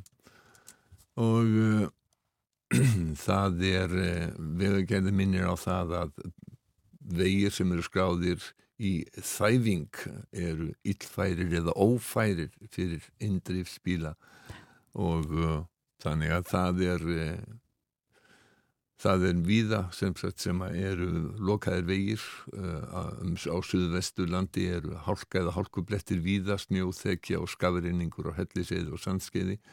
Það er lokað á þólagshafnavegi millir hringvegar og þrengsla. Kjalanis, þar er, voru síðust upplýsingar um það að vegurinn væri lokaður. Þar er unnið að því að losa fluttningabíl sem að hefur stoppað alla umferð, hann hefur þverað veginn að sög við að sögna auðagerðarinnar mm. og uh, vonandi að það komist í lag sem, sem allra fyrst. Já, ég var að sjá núna hvort að Rósa Björk er hér á uh, línunni. Góðan dag Rósa Björk, ertu þarna núna? Góðan daginn, já, já, ég er hér. Þarna ertu. Já, ég myndist á það, ég er rétt á þann að við hefum verið að tala svolítið um loftslagsmálin, umhverfismálin um, við áskrifbrina Torfarsson áðan. Þau hafa verið svolítið til umfyllunar í Fraklandi, eru það raunar kannski alltaf, en eh, ég vil ekki að byrja á að ræða um veðrið kannski fyrst og svo um, um þessi, þessi máli starra samhengi. Það var að tala svolítið um hlýjindi í Fraklandi og víðar á meginlandi Evrópu um, um áramótin. Hvernig er veðrið núna? Já, heldur betur. Það er nú svona fyrrhalgjör hróllur um hann þegar bóið er að lýsa lókunum á vegum og, og hérna færðinni heim á Íslandi vegna þess að viðstofraklands hefur aldrei mælt eins heitt ár og síðast ár frá því mælingar hógust árið 1900. Já.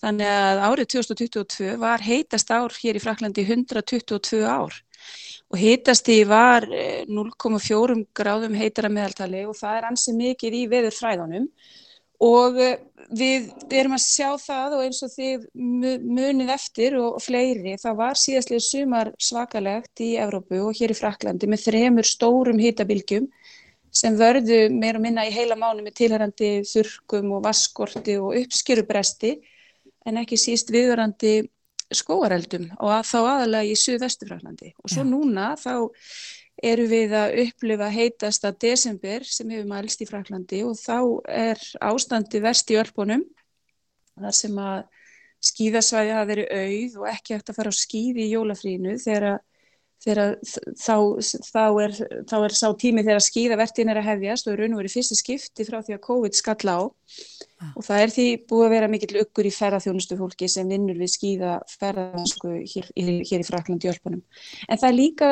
svona hvað maður að segja, það er líka svona sorg í fólki, við varum að horfa hér að fréttir af það sem er verið að taka mikið viðtölu við fólki í Ölpunum og það var, fólk var sorgmætt að sjá svona snjólusar brekkur og, og fannst eins og að væri, nú væri að líða að því að það væri ekki hægt að hérna, kenna bönnunum sinnum á skýði og, og þetta er því svona tími sem að myndi vera liðin, sko, mikil treyji og sorg í fólki að sjá þetta. Já. Já, uh, þetta, þetta eins og segir hefur svona viðtæk áhrif ekki bara auðvitað til lengri tíma heldur skemmri tíma líka um, Já, já og, og Það er áramótin náttúrulega jákvæð, já, fyrir já, ekki. nei, já, hvað ætlaði að segja, fyrir ekki Ég ætlaði bara að segja jákvæða hliðin á þessu, ef maður getur bent á það, að þá er náttúrulega að húshituna kostnaði fólks er ekki búin að vera eins mikill yfir þann tíma sem er allir jafna hvað kaldastur. Akkurat, Það er svona kannski, það, svona ef maður vil taka það út og það er svona það jákvæða. Já, og það munar náttúrulega um minna í þessari orku verðkrísu sem hefur verið í vetur út af innlásrúsa í, í Ukrænu. nákvæmlega, það var einmitt það sem ég ætlaði að spyrja þau um næst sko og einmitt eh, það er kannski jákvæðu fréttinnar uh, en, en hvernig sko frakkar eru þetta uh, þeirra orkubúskapur er aðeins öðruvísi heldur en við annar staðar. Þeir eru já, með mikið af kjarnorku en hvernig, hvernig standa þessi orkumál svona annars í Fraklandi þessa myndir?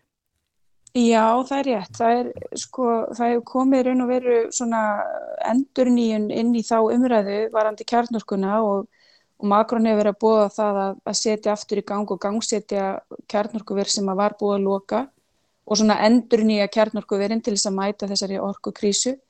Ég var líka að sjá að, að, hérna, að það hefur meira segja verið að, að það er svona átaki því að gera tilröna borhólur varandi jarðvarma hér í norðu Fraklandi. Það eru svona nýjustu fréttina því það er náttúrulega einhver jarðvarmi hér á, á norðaustur Fraklandi. Þannig að það verður að leita, all, mikill að leiða til þess að mæta þessari krísu í raun og veru. Veistu hvort að þær tilraunaboranir hafa borið einhvern árangur? Það var nefnilega, það er greinilega mjög víða jarðhitta að finna þó það sé kannski ekki jafn, mikill og jafn aðgengilugur og á Íslandi. Fyrir í desember þá bárast fréttir af því að þeir eru fundið heitt vatn, ekki mjög heitt, en í færiðum. Þannig að maður getur ímyndað sér að, að, að þetta sé mun víðar heldur en að menn hafa ætlað fram að þessu. Já, já, miklu víðar sko vegna þess að í raun og veru þá er, eru jarðskorpunar þannig hér í Fraklandi að það eru, það eru lindir, það eru heita lindir og það er, það er jarðvarmi.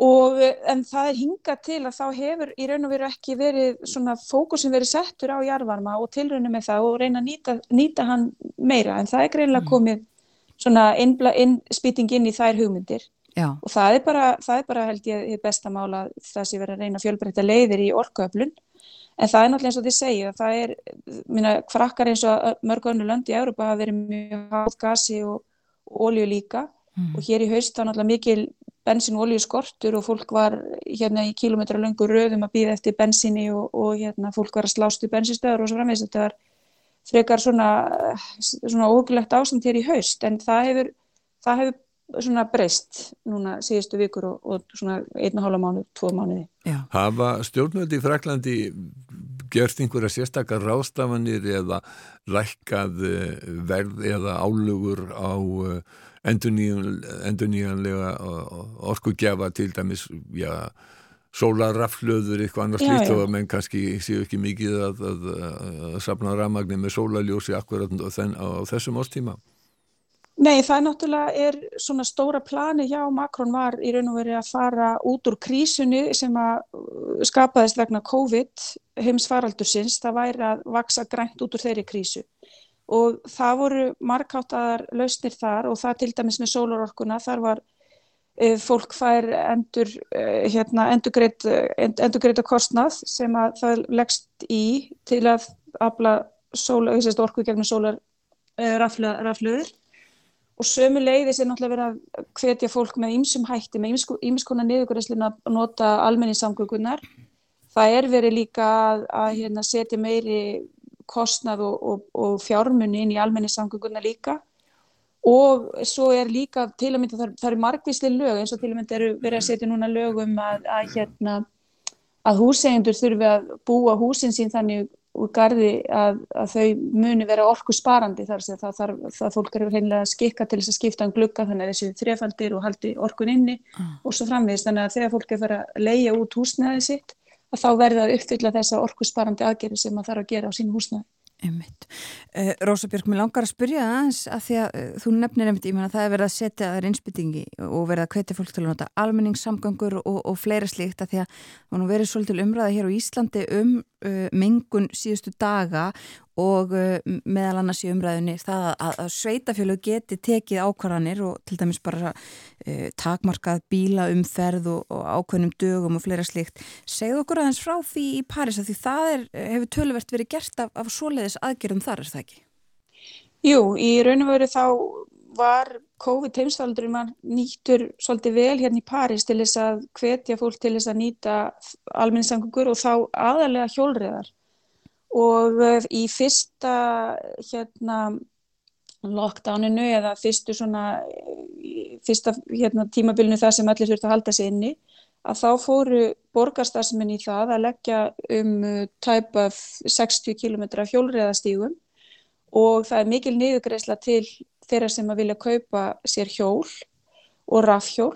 Þannig að það búið að risa átaki því að hveti fólk til þess að hjóla meira. Og ég til að mynda því ég hef nú verið hér mikið í París gegnum tíðina og búið hér áður en það er mikill munur á farið og samgöngu fólks til dæmis varandi hjólriðar sérstaklega. Og það eru miklar og mik mikil og stór plön er varða svona grætni bæði grætni umhverfi og svo líka grætni samgöngur í, bæði hér í París og í Fraklandi og ekki veitir að vegna þess að, að hérna, það þarf að bregðast hratt við þeim breytingu sem reyja sér stað og ég held að til að mynda þessi hiti núna í vetur, lofshiti og svo þessir skóareldar í sumar að þeir séu að gera, það, gera fólki það ljósta að þetta er komið til að vera og fólki fara að finna, þetta, finna þessa breytingar á einn skinni. En það er líka svona hiti á öðrum sviðum og það er hiti í pólitíkinni líka og það er það, kannski það sem er alltaf líkjandi núna þess, þessa stundina í Fraklandi. Það er í umdelta eftirlaunafrumar ríkistjónar Emmanuel Macrons. Akkurat, mm. segð okkur frá því sko, ég veit að hann um, reddi þau máli í, í áramótaða nýjárs áarpi sem hann held eins og margir, margir kollegar hans gera. Uh, þetta er auðvitað búið að vera uh, baráttumál og, og ætlun hans... Uh, ég sé hann tók við, áður en hann tók við að koma í gegn uh, breytingum. Og nú ætlar hann og, og hans fólk að fara að kíla á þetta. Já, það er rétt eins og segir. Og hann, hann búðaði þetta í sínu nýjás uh, ávarpi og hann hitaði upp svona herbyggi með því að hamra á því að árið 2023 er því ár umbúta í lífeyrismálum. Mm og það er líka rétt þegar að þetta eru marg bóðaða breytingar á eftirlönu kerfi frakka sem að Makrón hefur bóðað lengi eða í nánast allt frá því hann var fyrst kosin frósiti og í stuttumáli þá snúast þessar breytingar uh, um að hækka eftirlönualdurinn og því kannski haldið ykkur fast aðna heim á Íslandi þar sem að hvar eftirlönugarislar hefist við 67 aldurinn. Hér er hefstan við 62 aldur. Það er verið að bóða það samkvæmt þessum breytingum að hann fari upp í 65 ár í skrefum á nýjára tímvili yeah. og þessar yfirvóandi breytingar þær hafa sagt farið mjög illa ofan í franskan almenning sem villuðu þetta halda í sín réttindi sem að þau hafa barist fyrir frekar en að gefa það eftir. Og ég sá ekki æra að var konun sem dagblæði Júnaldur í mannspyrti í gær þar sem þriðjungu frakka segist vera afar reyður yfir, yfir bóðum lífeyrinsumbótum uh, Makrons og þá hafa líka fimm stærstu verkefliðsfjölu landsins búið að funda þriðdaskvöld til að kynna svona sín viðbröð við þessu frumarfi. Eh, en þriðu dagurinn þá verður haldin ríkistjórnafundi þar sem að fósittisræðara Fraklands, Elisabeth Born, ætlar að kynna svona, kynna svona fyrst, halda fyrstu kynningu á frumarfinu og ætlar síðan að búða endalega frumarf um, eftir tvær viku þar að leggur að fyrir ríkistjórn á morgun og ef það kom einhver alvarlega aðtöðasendir þá munum gera það eftir tvær vikur. En það er líka, sko, þegar ég tala um hitta þá þá komu gulvestungar saman í fyrsta sinn síðan 2018 mhm. í nokkrum borgum hér í Fraklandi á lögadaginn til að mótmæla eftirlöna frimarpunni og verbulgunni sem er hér í Fraklandi 5,9% svona ef við gerum sambur við Íslanda þá er verbulgunni í Íslandi 9,7% mm. en þessi 5,9% þau þykja há fyrir ansi marga mm. En fjöldi gulvestunga var samkvæmt óbjörnum tölum með 4700 manns og það er af um 2000 manns í París en það, sá fjöldi hann er náttúrulega langt frá því sem var hér 2018. Mm. En það, það er almenn anstaða við þessa, þessar breytingar en, en það er engan bilbúið að finna á, á Makrón og fórsettiræðaranum. Talandi um gulvestunga sem að ef að ég mann rétt áttu það nú til að loka vegum á kannski rétt, að, rétt að benda á það að vegur hér á Íslandi sem var lokaður á Kjallanessi, hann er opinn á ný þar hafði flutningabill þverað, það voru engir gulvestungar sem voru þar á ferðinni heldur hefur það bara veintanlega verið slís en sá vegur er opinn á ný Já. vegur sem að skiptir uh, að sjálfsögðu mjög marga miklu máli. Já. en það má búast við að gulvestungar hins vegar uh, reyni að loka vegum í Fraklandi ef að þeir efna til að mótmæla aðgerða á nýjum Ef að þetta heldur áfram, eins og ég segi þessi fjöldi var svona miklu miklu minni heldur en var hér þegar hæslið 2018 og til upprýðunar að þá voru þau mótmæli bundin við sko um tæpa 2%, 2% hækkun á elsniðisverði. Þannig að, þannig að það var mikil, mikil fjöldi sem fór þátt og götur vegna kannski at, atriða sem okkur þykja í dag eftir allt sem hefur gengið á núna síðustu, síðustu árin að svona léttvægari heldur en það sem er búið verið í gangi. Já. En þetta, þessar, þetta er stóra máli í pólitíkinni hér í Fraklandi og fórsættisáran, hún hefur verið að taka móti aðlu vinnumarkaðarins núna einum öðrum undarfanna daga og hittu líka í desember og, og hefur líka náttúrulega þurft að tryggja stöðning við frumvarpin í þinginu en eins og þið og fleiri muni að þá er flokkur Emmanuel Macrons ekki með meirluta í þinginu. Nei. Þannig að þau þurfa að tryggja sér stöðning við hjá hinnum stjórnmálaflokkunum við frumvarfi til þess að ná í gegn og uh, vinstri blokkin hefur líst í einarlega yfir að, að þau eru mjög ansnúin þessum breytingum og talsmaður græningja sem er líka þingmaður í hérna Evropaþinginu, hún kvatti beinleginis fólk til að fara át og götur og láta í sig heyra. En Macron og, og Born þau, þau hafa náð samkómalagi við hæri, hæri flokkin sem ætlar sér að að stiðja við frumarfið og, og að sjálfsögðu eigna sér þar breytingar sem að búið er að leka að munum vera gerðar á því. Því samkvæmt fjölmjölum þá verða sagt, er, er bóðuð eftirlun að taka hún fari úr 62 árum yfir í 65 það er búið að læka það nýri 64 ár. Og að sjálfsögðu þá eignar hægri, hægri menn sér þetta, þessa breytingar. Þannig að það er strax uh, farið að gera einhverjar uh, málamiðlanir í þessu uh, og þetta verður segjur kynnt í, í ríkistjórn almenlega á, á morgun. Já, á morgun og svo endalega á, á hérna 42 vikur. Já. En svo náttúrulega líka bara til aðeins að, nýkja á, á þessum stóra máli hér að þá eru rauk þeirra sem vilja breytingarnar þau að, að það er þessi lági eftirlunaldur sem mjög lágur miða við önnur lönd í Evrópu Uh, hann er gríðilega kostnæðsamur fyrir franska ríkið og sömu leiðis að þá, þá er líka lífaldur fólks að hækka og heilsa fólks að batna almennt og 40% af öllum greiðslum til velferðarkerfisin sem er mjög stertir í Fraklandi eru inn í eftirlönugreiðslunar uh, beint eða um 328 miljardar efra árið 2019. Þannig að þetta eru gríðilega háar upphæðir og munum vantilega að hækka líka en, en þau sem eru á móti þessum breytingum benda náttúrulega á að þetta þessi réttindi séu, séu afrakstur mikill að baráttu fólks fyrir þessum réttindum og það sé óbúðlegt að taka réttindi af fólki sem það hafi barist fyrir. En, þetta... en við, við skulum sjá hvað setur.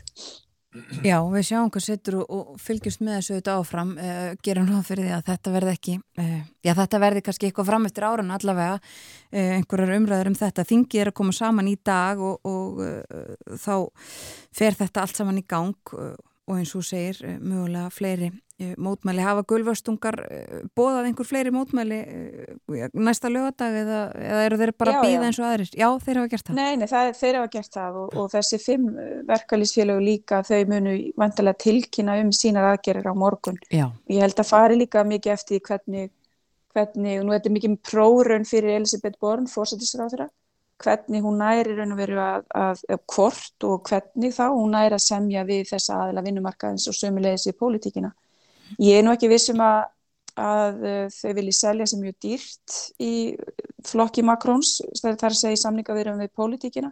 Hægri flokkur er líka mjög lágt en ég er búin að kjósa sér nýjan leðtóa eh, sem er frekar ofinsæl og það er ekki, það er svona verið að spá miklu hrakfurum eh, hægri flokkin sem ætlar að stiðja við frumvarpið. Þeir eru ekki verið að standa sér vel í kon konunum og svona. En þannig að ég held að við vilja ekki selja sér mjög, mjög dýrt en, en ætli sér samt, við erum mjög einörð í því að, að fara með þessa breytingar í gegn. En þetta mun taka mörg ár og, og hérna, kannski svona önnur vinnubröð heldur en að við sjáum annar staðar þegar við erum að gera umfásmikla breytingar á, á, hérna, á umfásmiklu lögum. En, um, þetta er væntanlega partur af því telur stjórnin sem er algjörlega nöðsynlegt vegna þess að eh, eins og þú bentir á að eh, fólk eldist og uh, lífaldur hefur hækkað og uh, þeim sem er á vinnumarkaði þeim fækkar þannig að það eru færið sem að geta staðið undir þessum eftirlunum. Já, það er raun og verið það sem að yfir að segja að kostnaðurinn við að halda uppi þessu dýra eftirlunakerfi er, er verið að velta yfir á ungd fólk Já. sem er að stiga sín fyrstu skrefin á á vinnumarkaði og líka þau sem eru svona á miðjum vinnu aldrei að þau séu raun að byrja þær byrjar að halda uppi þessu þunga velferðarkerfi sem að bara bólnar upp með harri lífaldri og betri heilsu almennt. En þetta er samt sem áður, þessi, þessi góðu eftirlauna kjör eru einn helst ástæðan sko fyrir því að til að mynda þáttaka almennis í verkefælisfélum mjög lág hér í Fraklandi, anstætti sem að margir halda. En það er vegna þess að fólk er með þessi góðu réttindi og telur sér vera mjög vel varið með þessum laga, lögbundnu réttindum. Þannig að það er ekki mikið þáttaka almennt í verkefælisfélugum en þau verkefælisfélug sem eru til staðar að þau grípa mjög gjarnan til harðra aðgerða vegna þess að, að hérna, það eru fáir í þeim og, og svona þau vilja láta hátt í sér heyra. já, En þetta er nú bara eins og er hér í Fraklandi. Hér er þjóðasport að mótmála öllu og, og láti í sér heyra og, það er bara gott fyrir líðræði líka. Og það eru reglubundir fundir hér á lögutum þar sem fólk bara hérna lætur í sér heyra um, um allan skapaðan lögut. akkurat, tekur virkan þátt í þessu. Tekur virka þátt. Já, Já. það. Uh, takk fyrir að segja okkur frá þessu Rósa Björk Brynjólfsdóttir í París við fáum ábyggilega að, uh, hóa í því einhvern mann aftur þegar að umræður um þetta eru komnar lengra á veg en kæra þakki fyrir í dag. Takk fyrir mér sem leiðis og góða hverður heim. Takk fyrir það. Þetta var Rósa Björk Brynjólfsdóttir í París. Hún uh, sagði okkur frá ýmsu sem að þar er á segði ekki síst og að kannski aðalega uh, stóra máli þar er þessi eftirlauna eru þessi eftirlauna mál en uh, morgunvaktin er að ljúka þennan uh, mánudags morgun ég var að ljúka uh, þessu á að heyra eitt lag frá Fraklandi uh, Það er sönguna sem heitir Isabel Sjöfrói eða Sjöfróa, ég er ekki það góður í fransku, ég veit nákvæmlega hvernig ég á að bera, bera það fram, en ég veit hins vegar að hún gengur undir listamannsnafnu SAS, Z-A-Z og uh, þetta lag heitir Paris sera toujours Paris. Er það ekki Paris, uh, verður alltaf Paris? Já. ég held það Við höfum settið hér frá því snemma í morgun Bói Ágússon og Þórun Elisabeth Bóadóttir. Við verðum aftur hér á okkar stað í fyrramálið. Morgumaktin býður góðan dag þegar klukkuna vantar um það byrj 10 minnur í sjö alla virka morgna. Við þökkum samfélgina í dag. Verðið sæl og njótiði dagsins.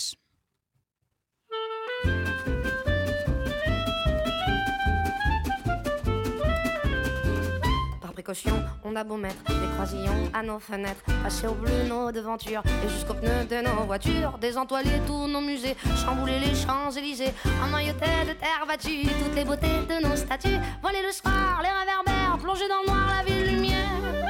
Paris sera toujours Paris, la plus belle ville du monde, malgré l'obscurité profonde. Son éclat ne peut être assombri. Sera toujours Paris.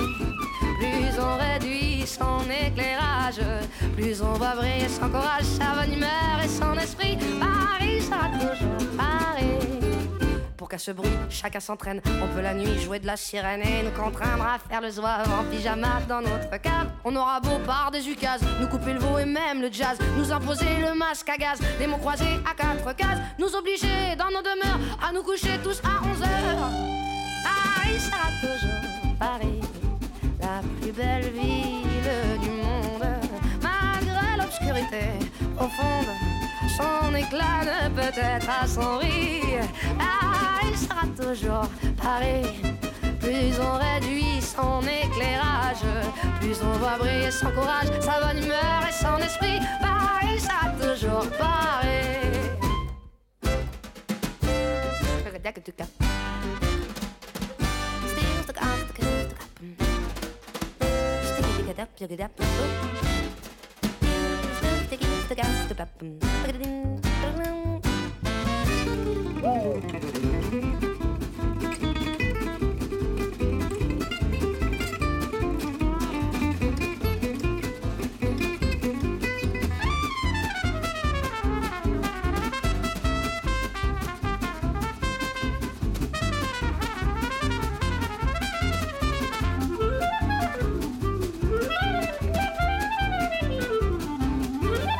que ma foi, depuis octobre, les robes soient beaucoup plus sobres. Il y a moins de fleurs et moins d'aigrettes, que les couleurs soient plus discrètes. Bien qu'au gala, on élimine les chinchillas et les germines. Que les bijoux pleins de décence brillent surtout par leur absence. Que la beauté soit moins voyante, moins effrontée, moins flottante.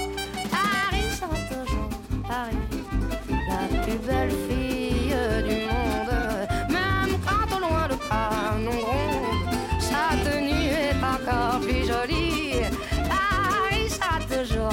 On peut limiter ses dépenses, sa distinction, son élégance, non, non, alors que plus le prix, Paris sera toujours.